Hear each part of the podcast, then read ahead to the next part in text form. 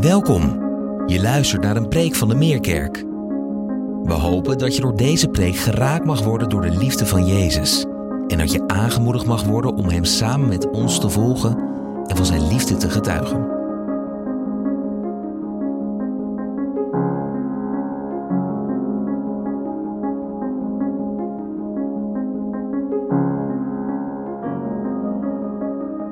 Goedemorgen allemaal. Ik mag het vanmorgen hebben over God. En het thema van deze morgen is: wat wil God? Dat wordt nog geprojecteerd, geloof ik. Wat wil God? Wat wil God met ons leven? En ik heb daarvoor gekozen voor een man, niet voor Mozes, dat is me niet gelukt, maar voor een andere man, voor David. En ik wil daarom beginnen met een tekst waar daarover gesproken wordt in de Bijbel. Want in Israël hadden ze, wilden ze een koning hebben. God wilde dat eigenlijk niet, maar ze dramden door. En dan komt er een koning en die heette koning Saul. Maar die deed niet wat God van hem vroeg. En op een gegeven moment is de Heere God het zat en zet hij hem af. En dan wordt de profeet Samuel naar die koning toegestuurd, naar Saul, met deze woorden. Als u het thuis na wil lezen, dat staat in 1 Samuel 13, vers 13. Uh, daar staat, Samuel zei tot Saul, je hebt dwaas gehandeld. Je hebt niet in acht genomen het gebod van de Heere uw God, dat Hij u geboden heeft. Anders zou de Heere uw koningschap over Israël voor altijd bevestigd hebben. Maar nu zal uw koningschap niet bestendig zijn. De Heere heeft zich een man uitgezocht naar zijn hart. En de Heere heeft hem tot een vorst over zijn volk aangesteld. Nog even dit ene zin. De Heere heeft zich een man uitgezocht naar zijn hart. Wat zoekt God? Mannen en vrouwen naar zijn hart. En hij kan u dat maken. En ik hoop dat ik vanmorgen op geen enkele manier duw of het woord moeten gebruik. Maar ik hoop een beetje dat God kans ziet om u jaloers te maken. Opdat uw leven, mannen, een leven zal zijn of zal worden, want God is daar nooit mee klaar. Dat u bent een man naar Gods hart. En vrouwen, dat u wordt door God gemaakt een vrouw naar Gods hart. Dan raakt God nooit op u uitgekeken. Dan is het voor God heerlijk als hij u ziet en als hij u bezig ziet. Dan kijkt God graag naar u. En de man die het uitgezocht hebt, dat zei ik al, is David. David wordt zo in de Bijbel genoemd door God. Een man naar, mijn God, een man naar Gods hart. U leeft hier maar een tijdje, de een wat langer, de ander wat korter. Maar in de hemel zult u zijn wat God hier van u heeft kunnen maken. Niet wat u er zelf van gemaakt hebt, meestal niet zo erg goed, maar wat God van u kan maken. In de hemel, in de hele eeuwigheid zult u zijn wat God in dit leven hier op aarde van u heeft kunnen maken. Belangrijk wordt het dan, hè? als je heen gaat, je leven voorbij is. Wat ben je dan?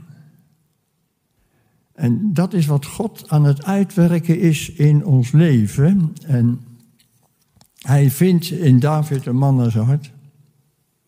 Hij heeft hem gezien als jongen. David zegt later zelfs van hem: U kende mijn vormeloos begin. Toen hij nog in de schoot van zijn moeder was. Toen kende God hem al. En toen dacht God: Dat is hem.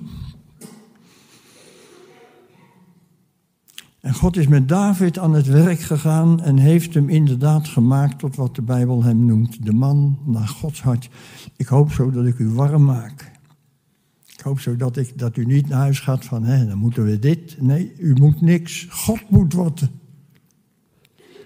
God en God alleen. Wat een wonder. Als God de kans krijgt om dat in uw leven te gaan uitwerken. En dat zie je bij David dus ook gebeuren. Ik neem een hoofdstuk verder in 1 Samuel 16. Maar um, even kijken, ja, dat hoef ik niet met u te lezen, want dan kan met de Heer. De Heer zei tot Samuel: Hoe lang zul je nog leed dragen over Saul? Ik heb hem toch verworpen dat hij geen koning meer over Israël zal zijn. Vul uw horen met olie en ga heen. Ik zend u naar Bethlehem, naar Izei. Want onder zijn zonen heb ik mij een koning, heb je het woordje weer, uitgezocht. Wat zoekt God? Een man naar zijn hart. En Samuel wil eerst niet, omdat hij het gevaarlijk vindt. Uiteindelijk gaat hij dan toch. En God zegt, ik zal u te kennen geven wat gij doen moet. Gij zult voor mij zalven wie ik u zal aanwijzen. En dan gaat dus de profeet Samuel naar Bethlehem en komt in het huis van Isaïe. En die man heeft acht zonen. En daar hebben ze een maaltijd met elkaar. En dan komt de een naar de ander binnen. Eerst Eliab en al die andere namen ga ik niet noemen. En als, dat is een grote vent, ziet er goed uit, stoer.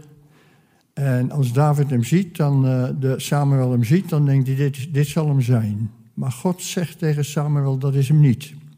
Je moet niet zien naar wat voor ogen is, want ik zie het hart aan. En dat moet jij ook leren, Samuel, om te kijken naar het hart. Dan komt de tweede, ziet er ook goed uit. God zegt, die is het ook niet. Komt de derde, de vierde, de vijfde, de zesde, de zevende. En God keurt ze allemaal af. God ziet het hart aan. En dat is bij ons ook zo belangrijk. Hè? Wat, niet, niet wat ben je van buiten, maar wat ben je van binnen. Dan word je dat van buiten ook. Maar wat ben je van binnen? God kijkt naar je hart. God ziet je motieven. God ziet je verlangens. David zegt in een psalm: Heer, u kent en u doorgrondt mij. God kent u veel beter dan u uzelf kent. En dat is heerlijk. Het is heerlijk als je zo voor God mag leven, dat je weet, Heer, u, u, u, u, weet als ik verkeerd denk, u weet als mijn gedachten niet gezond, niet goed zijn. U ziet mijn hart aan. En dan ga je dat heerlijk vinden, dat God je hart aanziet. Je, hebt, je kunt voor God toch niks verbergen. En dat is hier dus ook zo. En bij die eerste zeven, God keurt ze alle zeven af. Dat vind ik een beetje spannend bijna. Hè? Zo in deze zaal, in deze zaal. Wat ziet God? Wat komt hij tegen? Waar springt Gods hart van op? Zoals je dat leest van Job. Dat God zegt, niemand op aarde is als hij zo vroom, oprecht, Godvrezend en wijkende van het kwaad. Want God, als God door de Heilige Geest in je leven gaat wonen, gaat hij je niet alleen je zonde vergeven, dat is natuurlijk mooi, maar daar blijven wij vaak staan. Maar dan gaat God u maken tot een heilige. Zo worden we in de Bijbel voortdurend aangesproken. God maakt u zoals Hij zelf is. Dat zegt God al op de eerste bladzij van de Bijbel. Daar zegt Hij, laat ons mensen maken naar ons beeld, als onze gelijkenis, opdat zij, dat is een verhaal apart, heerschappij voeren over deze aarde. Dat is wat God aan het doen is. En we hebben die tekst zo verschrikkelijk verwaarloosd. We doen net alsof alle mensen ook waar ze vechten of wat ze ook doen, allemaal naar Gods beeld geschapen zijn. Dat is niet waar. Alleen Adam en Eva waren naar Gods beeld geschapen en die keerde God al de rug toe. En toen kwam de zoon Seth die geboren werd en die was geschapen naar het beeld van Adam, de gevallen Adam. Dus God alleen, maar God zet zijn plan door. Heeft hij zelfs zijn zoon voor over. God verlangt er echt naar dat wij worden zoals hij is. De Bijbel zegt dat heel duidelijk. We zijn bestemd tot gelijkvormigheid aan het beeld van Gods zoon. God heeft één zoon, daar wil hij er meer van. En dat geldt ook voor de dames. Dat is Gods hele doel. Daar is hij de hele geschiedenis mee bezig. Dat laat hij zich nooit afnemen. Daar heeft hij alles voor over. Wordt vaak in ons teleurgesteld. Dat is ook zoiets. Hè? Want de Bijbel zegt ons, het is mooi om God te kennen, maar het is nog mooier om door God gekend te zijn. Iemand kan zeggen, ik ken God. Dat is natuurlijk tot op zekere hoogte. Dat is mooi. Maar de Bijbel zegt ons, het is veel meer als iemand kan zeggen, God kent mij. God kent mij. God is in jou geïnteresseerd. God weet alles van je. God weet hoe jij hem zal teleurstellen als je met hem op weg gaat. En toch gaat hij beginnen. Als je dat niet deed, dan kwamen we er natuurlijk helemaal nooit. Maar God gaat beginnen met dat grote verlangen om mensen te maken die zijn zoals Hij is, die precies op hem lijken. Goddelijk leven, daardoor geeft Hij ook zijn zoon in ons, daardoor geeft Hij zijn geest in ons. Die gaan dat allemaal uitwerken. God en God alleen. En dat is het doel van uw leven. U wordt straks niet op de een of andere manier, nu bent u een zondaar en straks een heilige. Nee, God wil hier een heilige van u maken. En dat is wat God ook met David aan het doen is. En dan merk je ook, dus dan komt uiteindelijk, die zeven jongens zijn gepasseerd. En dan zegt de profeet Samuel, zijn dit ze allemaal? Of nee, nee, nee, zegt uh, uh, de vader Simi. Uh, we hebben er nog één. Maar die zit bij de schapen, die jonge knul, die telt niet mee. En dan zegt de profeet, ga hem halen, want we gaan niet eerder aan de maaltijd beginnen of ik moet hem gezien hebben. En dan komen ze David bij zijn schaapjes vandaan halen. En dan zegt God tegen Samuel, dit is hem. God heeft de jonge David gezien als hij met zijn gitaartje bij de kudde zit en daar zingt, de Heer is mijn herder. De Heer is mijn herder, mij ontbreekt niets. Hij doet mij nederliggen. En ook al ga ik door een dal van diepe duisternis, ik ben niet bang, want God is met mij. God heeft hem gezien met zijn gitaartje. En God komt in actie, omdat hij ziet, dit is een man die je kan maken tot een man naar mijn hart. En het mooie is dat als God dat doet, dan neemt hij ook de leiding over. Dat merk je bij David ook. Want op het moment dat David dan tot koning gezalfd wordt, staat er in de Bijbel dat de geest van God hem vervulde. En dan neemt God het over, dan neemt God de initiatieven. Dat is, dat is ook in je leven zo mooi om te zien hoe dan eigenlijk ja, je, je, je, de leiding van je leven komt uit de hemel vandaan. God doet dat, ook bij David. En dan uh, gebeurt er het volgende, dat uh, koning Saul depressief wordt. En zo somber is dat zijn knechten, zijn dienaren het daar moeilijk mee hebben. Kijken of ik dat vinden kan. Ja, dat denk ik wel. Maar van Saul, dus in hoofdstuk 16 nog weer. Maar van Saul was de geest des Heren geweken en een boze geest die van de Heren kwam joeg om angst aan. Toen zeiden de dienaren van Saul tot hem, zie toch, een boze geest Gods jaagt u angst aan. Laat onze Heer toch zeggen dat uw knechten die in uw dienst staan iemand zoeken die op de citer kan spelen. Als dan de boze geest Gods over u komt, moet hij die bespelen en gij zult u beter voelen. En Saul zegt tot zijn dienaren, zie voor mij uit naar iemand die goed speelt en breng hem tot mij. Toen antwoordde een van de knechten, ik heb een zoon gezien in Bethlehem van Sinaï, ik heb een zoon gezien, dappere held, en hij kan spelen, en hij is een krijgsman, en hij is wel ter tale, hij is schoon van gestalte, en dan komt het laatste wat hij van hem zegt, en dat is het belangrijkste, en de Heere is met hem. Dat is mooi als ze dat van je zeggen, als ze dat van je weten. Gewoon ook in het leven. Ja, dat kan je zien. De Heer is met die vrouw. De Heer is met die man. En dan wordt David gehaald. David doet daar niks aan. En dan komt hij aan het hof. En dan mag hij spelen voor de koning. En de koning, daar staat er meteen al in de Bijbel van hem. En Saul kreeg hem lief heerlijk eh, goede verhouding met elkaar. En als Saul depressief, somber is, dan komt David en die gaat spelen en dan gaat het over. En daarom is David zeer regelmatig aan het hof. Wie had dat kunnen denken? Een herdersjongen. Nou zit hij aan het hof en dan mag hij spelen voor de koning. In de hemel kunnen ze wat hoor. Ja, meen ik me. Ik zeg van tijd tot tijd, en ik vind het een beetje oneerbiedig. Maar ik weet soms niet hoe ik het anders zeg. Maar dan zeg ik, Heere God, hoe hebt u dat kunnen bedenken? In de hemel kunnen ze, als Gods, je, handen in, je, je leven in Gods handen ligt. David is, hoe had David nou ooit als herdersjongen aan het hof moeten komen? Nou, dat regelt de Heere God. Er moet iemand komen die spelen kan. Nou, dat kon hij. En dan is hij aan het hof en speelt hij daar voor de koning iedere keer. En dan komt toch het ene wonder eigenlijk na het andere. Want hij gaat ook iedere keer weer naar huis. En op een dag zegt zijn vader tegen hem...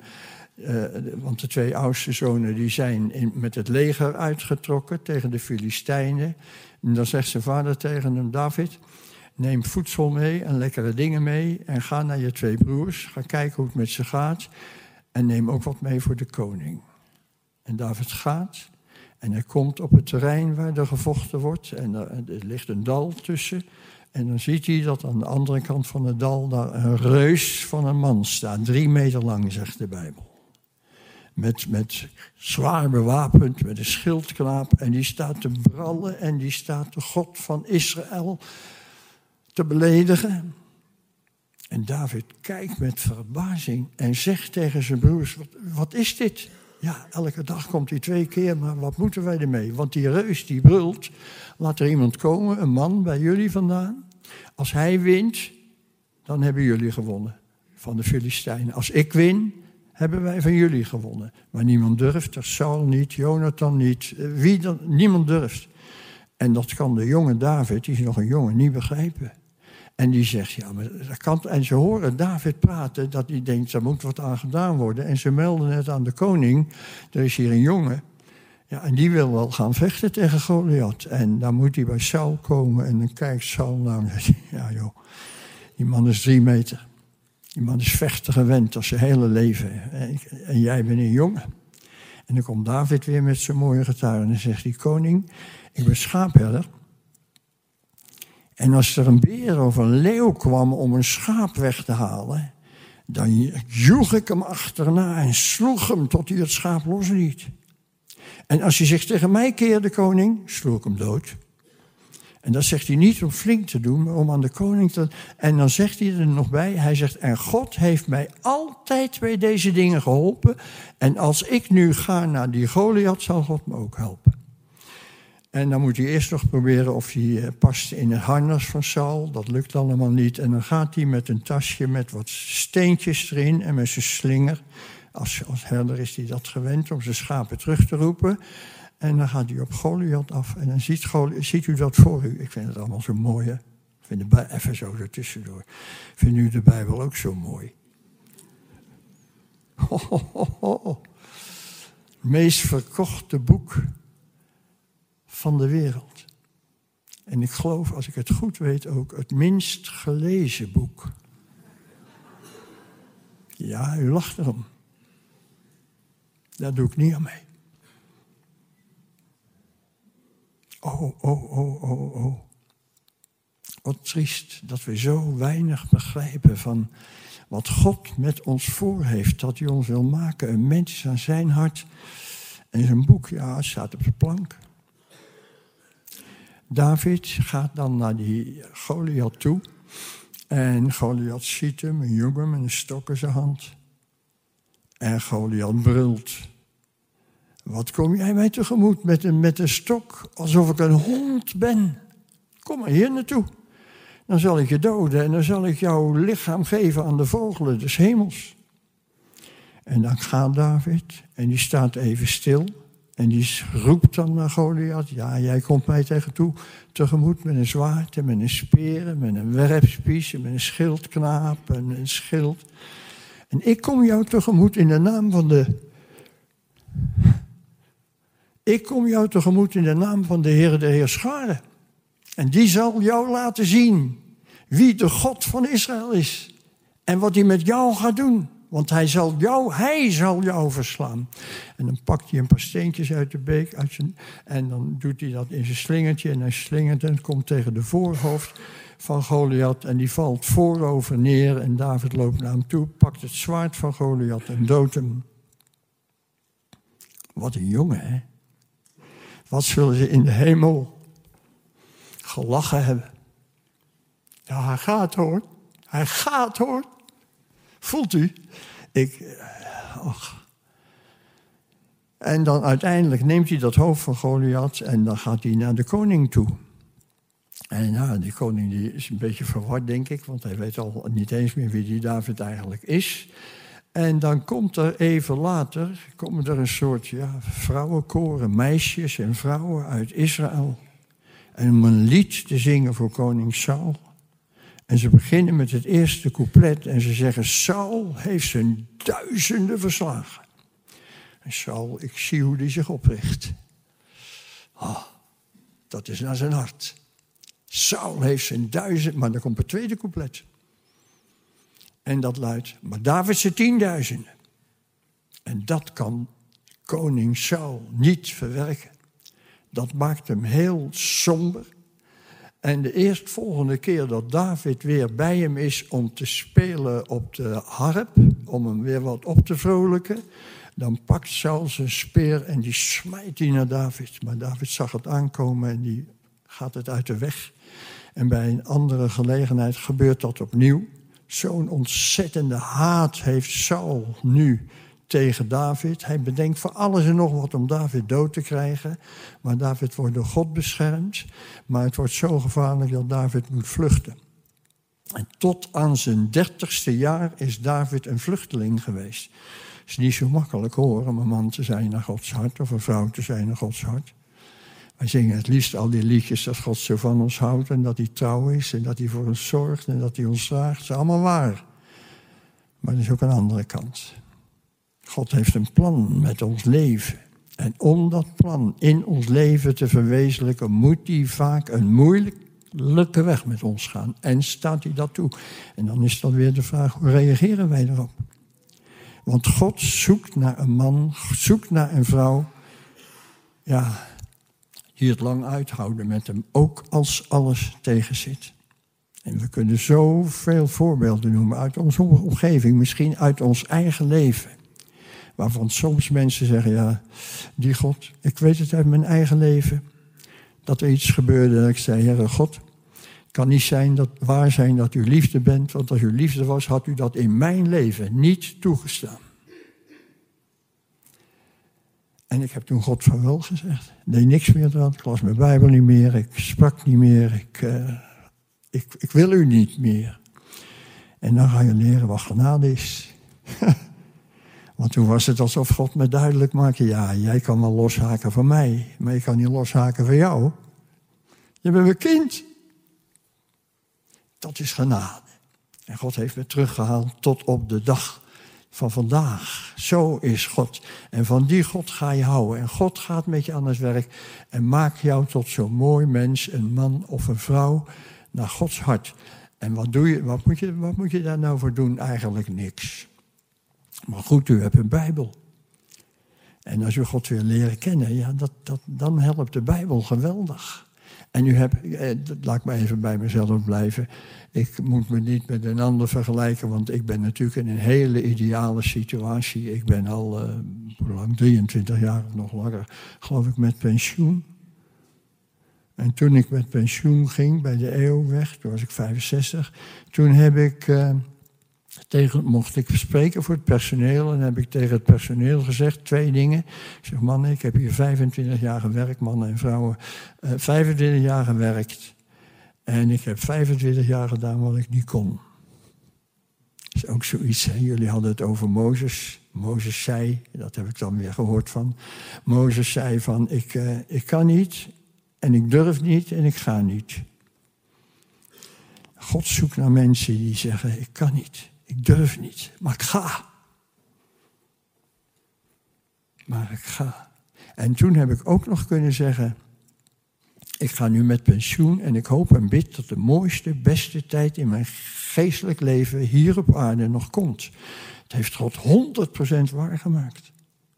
Ik heb zoveel tijd. God heeft gezorgd voor een tuinhuis. Dat is, zat allemaal in zijn planning. En dan zeg ik soms, hoe hebt u het kunnen bedenken? En God heeft ervoor gezorgd dat ik mijn AOW'tje heb en, en, en, en, en, hoe heet dat weer? Hoe heet dat andere wat je erbij krijgt?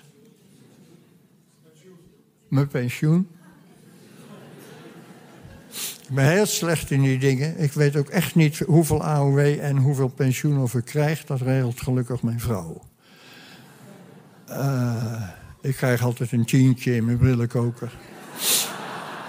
Nou, zo gaat het echt. Kinderen, de kinderen en kleinkinderen weten het ook. Als tientje op is, zeg ik, heb je nog een tientje voor me? Dus dat is een wereld die, recht, die, die raakt mij niet. Maar Heer, geef me dat ik in mijn pensioentijd, waarin ik zoveel tijd heb, dat het de beste tijd van mijn leven wordt, heeft God absoluut waargemaakt. Ik heb heel veel tijd. En veel van die tijd mag ik door Gods genade gebruiken in mijn tuinhuis. God, David zegt het ook. David zegt van uw tweeën zegt mijn hart. Zoek mijn aangezicht. En dan zegt hij, ik zoek uw aangezicht, Heer. Verberg uw aangezicht niet voor mij. Gods aangezicht zoeken. Want eh, mijn kinderen vragen dat zo, wat zie je er nou al die tijd te doen? Ik, nou, vat het maar samen in die woorden, ik zoek Gods aangezicht. Dat doe ik door te bidden, door de Bijbel te lezen. Soms moet ik me voorbereiden op iets, dat komt er ook bij. Maar ik heb zo'n gezegende, en ik zeg dat even tegen mannen die tegen de 65 aanzitten. De mooiste tijd van je leven komt nog. Als je het in Gods handen legt en, en veel tijd gaat besteden aan God. En dat wilt u toch, hè? ik denk dat mijn tijd ongeveer om is. Of niet? Oh, heb ik nog acht minuten? Ik heb een hekel aan als twee jaar gestaan en zegt Henk wegwezen. Dus uh, dat wil ik voorwezen in elk geval. Maar David. Wat een zwaar leven heeft deze man gehad. Laat ik dan nog even verder gaan in zijn leven. Op een gegeven moment komt de tijd dus dat uh, de Saul zit tot aan zijn dertigste jaar achter hem aan met een leger. Wil hem voortdurend zoekt hij naar een gelegenheid om hem te doden. Tweemaal komt er een gelegenheid dat, eh, dat, dat hij makkelijk Saul kan doden. Ene keer zit hij met zijn mannen achter in een grot. En dan gaat Saul in, het begin van de grot liggen slapen. En dan zegt een van zijn mannen, dit is van de Heer. Hier, heb je zo in uw handen gegeven. Gaat u of gaat ik? Dan zullen we hem doden. David zegt, kijk uit hè. Blijf, en David gaat even naar hem toe en die snijdt een stuk van zijn slip af. En dan bonst zijn hart en die zegt, laten wij ervoor waken dat wij ons niet vergrijpen aan de gezalte des Heren. Komt nog een andere keer, dan ligt Saul te slapen te midden van zijn mannen. En de speer staat naast hem en dan zegt een andere die met hem meegegaan is, een wapendrager, zegt, mag ik gaan? Daar staat zijn speer, ik zal hem in één keer doden. En opnieuw houdt David hem tegen. Dat is David, dat is een man Gods hart. Wat God mag wraak nemen, maar ik niet. Dan komt toch de tijd dat Saul sterft. En dan komt er een tijd voor David dat hij koning wordt. En dat is in een aantal opzichten niet de beste tijd geweest voor hem. Want dan woont hij in een paleis. En dan stuurt hij zijn legeroverste Joab weg met mannen om tegen de vijanden te vechten en zelf blijft hij thuis. Dat is gevaarlijk. Een christen moet in de strijd staan. Moet niet achterover hangen. En bij David gaat het mis. Want hij luiert een beetje en dan loopt hij lekker wat op zijn platte dak te wandelen. En dan kijkt hij naar de tuin van zijn buurvrouw. En die is bezig om in de achtertuin zich te baden. En was David helder en scherp geweest, had hij gezegd, Heere God, bewaar mij. En dan had God gezegd, David, ga van dat dak af en kom daar nooit meer. Maar David laat zijn verlangens de overmacht hebben in zijn leven op dat moment, omdat hij, hij staat niet in de strijd, hij heeft het makkelijk. En dan zegt hij tegen een van zijn dienaren, dat? En dan zegt hij wat Seba. Hij zegt, ga eens vragen of ze...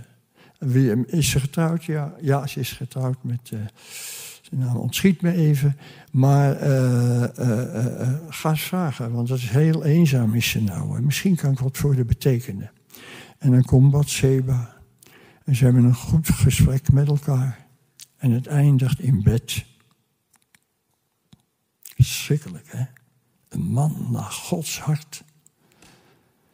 We zijn wat dat betreft nooit veilig hoor. We staan in de strijd en als God ons alles is is de duivel onze grote vijand. Dat gaat u echt merken in uw leven.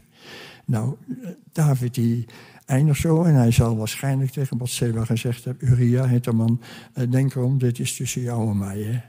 En dan gaat ze weg en een tijdje terug. Daarna krijgt hij een briefje, ik ben zwanger. En dan zit hij in de problemen. En dan roept die Uria, haar man, terug uit het slagveld. En dan zegt hij, eh, ik heb een leuk cadeau. Ga jij nou een paar dagen gezellig naar huis en geef dat cadeau dan ook aan je vrouw. In de hoop dat dan iedereen zou denken, ja, het is gewoon een kind van Uria, want die is daar thuis geweest. Maar het lukt hem niet. Uria blijft buiten slapen en gaat niet. En David roept hem opnieuw en heeft een maaltijd met hem en voert hem dronken. In de verwachting dat hij nu wel zijn zin krijgt, maar Uria blijft buiten slapen en gaat niet. En dan neemt David een besluit. Oh, een man naar Gods hart. Wat kan je vallen als je buiten God je beslissingen neemt? En dat zie je bij David dus ook. Hij schrijft een brief aan, aan Joab, de legeroverste, en zegt: uh, Neem straks uh, Uria, zet hem vooraan in de strijd. Als de vijand komt, trek je terug, zodat hij gedood wordt. En zo gaat het. En Uria gaat met zijn doodvonnis in zijn zak, gaat hij terug naar het front. En komt nooit meer terug. En David denkt, onder de dekmantel. Dit mag nooit iemand weten. Maar God wist het.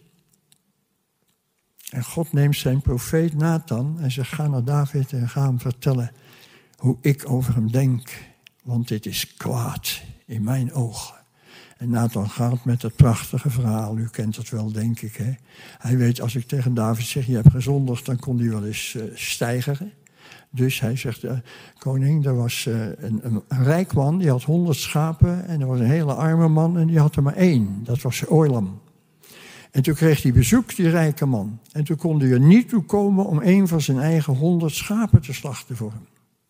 En toen stuurde hij een, een, een boodschap naar een arme man, die had er maar één. En dat schaap, dat heeft hij geslacht en dat heeft hij gegeven. En als David met zijn rechtvaardigheidsgevoel dat hoort, dan is hij woedend. Zegt hij, dat moet vier keer voor de man die dat gedaan heeft, moet vier keer gestraft worden. Vier keer moet dat vergoed worden. En dan staat de profeet op. Ik heb een schilderij gezien in Rusland. En daar zag je de profeet staan voor David met zijn pezige vinger. Jij bent die man. En dan breekt David. Dan is hij kapot. Dan gaat hij Psalm 51 schrijven. Maar zijn kracht is, hij gaat er toch mee naar God. Wees mij genadig om God. O God, wees mij genadig. En dan komt de profeet en die kan zeggen, je zonden zijn je vergeven. Maar denk om het zwaard zal van jouw huis nooit meer wijken. Nou, dan gebeuren er dingen daarna. Dan is er een zoon, de oudste zoon van David, die verkracht zijn zuster een dochter van David. Ja, als u de Bijbel gaat lezen, komt u zoveel tegen wat grensoverschrijdend gedrag heet in onze tijd. Hij verkracht zijn zuster en als dat gebeurd is, dan stuurt hij ze weg. Hij hier. En een andere broer, Absalom, die hoort dat. En die neemt haar in huis, maar is woedend op zijn oudste broer. En die organiseert na twee jaar een groot feest met alle broers en van alles erbij. En zegt tegen zijn mannen, straks dan komt ook uh, uh, de oudste zoon, ben zijn naam even kwijt. En uh, als hij eh, gezellig vrolijk is, dan gaan jullie hem doden. En dat gebeurt. En dan is David, heeft dan een zoon die gedood is door zijn broer. En die moordenaar die moet dan vluchten. En, dan moet, en die, David haalt hem weer terug. En dan moet David weer vruchten voor Absalom. Zijn eigen zoon zit achter hem aan. Wat een gevolgen van die ene daad. Ook dat kan. En, maar toch, als je later, dat is het laatste wat ik zeg. Als je later leest over David, dan zegt het boek Koningen over hem. David heeft de Heer gediend in alles, behalve in de zaak met Bathseba en Uria. En dan lees je een paar bladzijden verder wat God daarvan zegt. God zegt, David heeft mij in alles gediend en is in alles getrouw geweest. Geen woord over Bathseba. Dat is onze God. Was God het vergeten? Nee, natuurlijk niet. Maar God wilde het vergeten, daarom wist hij het ook niet meer. Zo is onze God. En met Hem wandelen. Even voor de gepensioneerden. De tijd nemen in die prachtige tijd. Als je 65 geweest bent en je geld wordt thuisgebracht en je hebt zoveel tijd. Oh, dan kan je toch niet zeggen, nou, ik ben je hebt ons zoveel lasten opgelegd. Ik, nee, God zegt ergens, ik vraag niks van je. Bied je wat aan? Ik bied je wat aan. En als ik wat vraag, is dat alleen maar om ruimte te maken, waardoor ik meer in jou aan het werk kan. Want ik heb een doel voor ogen. Een vrouw naar Gods hart of een man naar Gods hart? Ik hoop zo. En daar kan ik natuurlijk niet. Dat God zijn werk doet vanmorgen. We hebben ze zo nodig. In de laatste gemeente die genoemd wordt in de Bijbel in de eindtijd, zegt de Heer Jezus, waren jullie maar heet of koud, maar omdat jullie lauw zijn. Zal ik uit mijn mond spuwen. Dat zijn harde woorden van onze geliefde heiland. En onze tijd met zoveel afleiding waarin we door alle sociale media en tv en alles wat er is, onze smartphone en onze laptop, om, waarin we zo wereldgelijkvormig zijn geworden zonder dat we het doorhebben. De wereld is op, op hol geslagen. En de kerk doet mee, de christenen doen mee. Maar nou u. U gaat dat anders doen. Tuurlijk tv, nou, je hoeft voor mij niet uit de kamer te zetten, maar je moet er niet naar kijken, joh.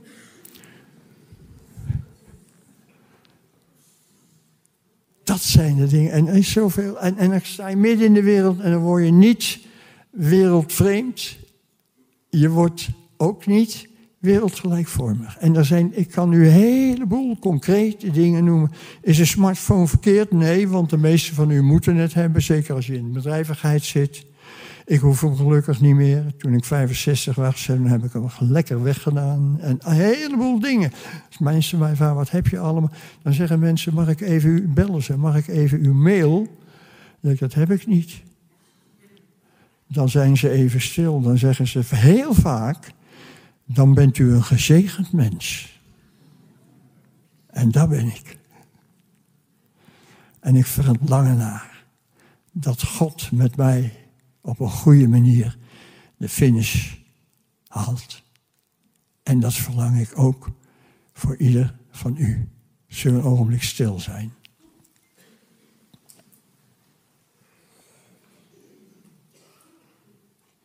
Vader, wat bent u toch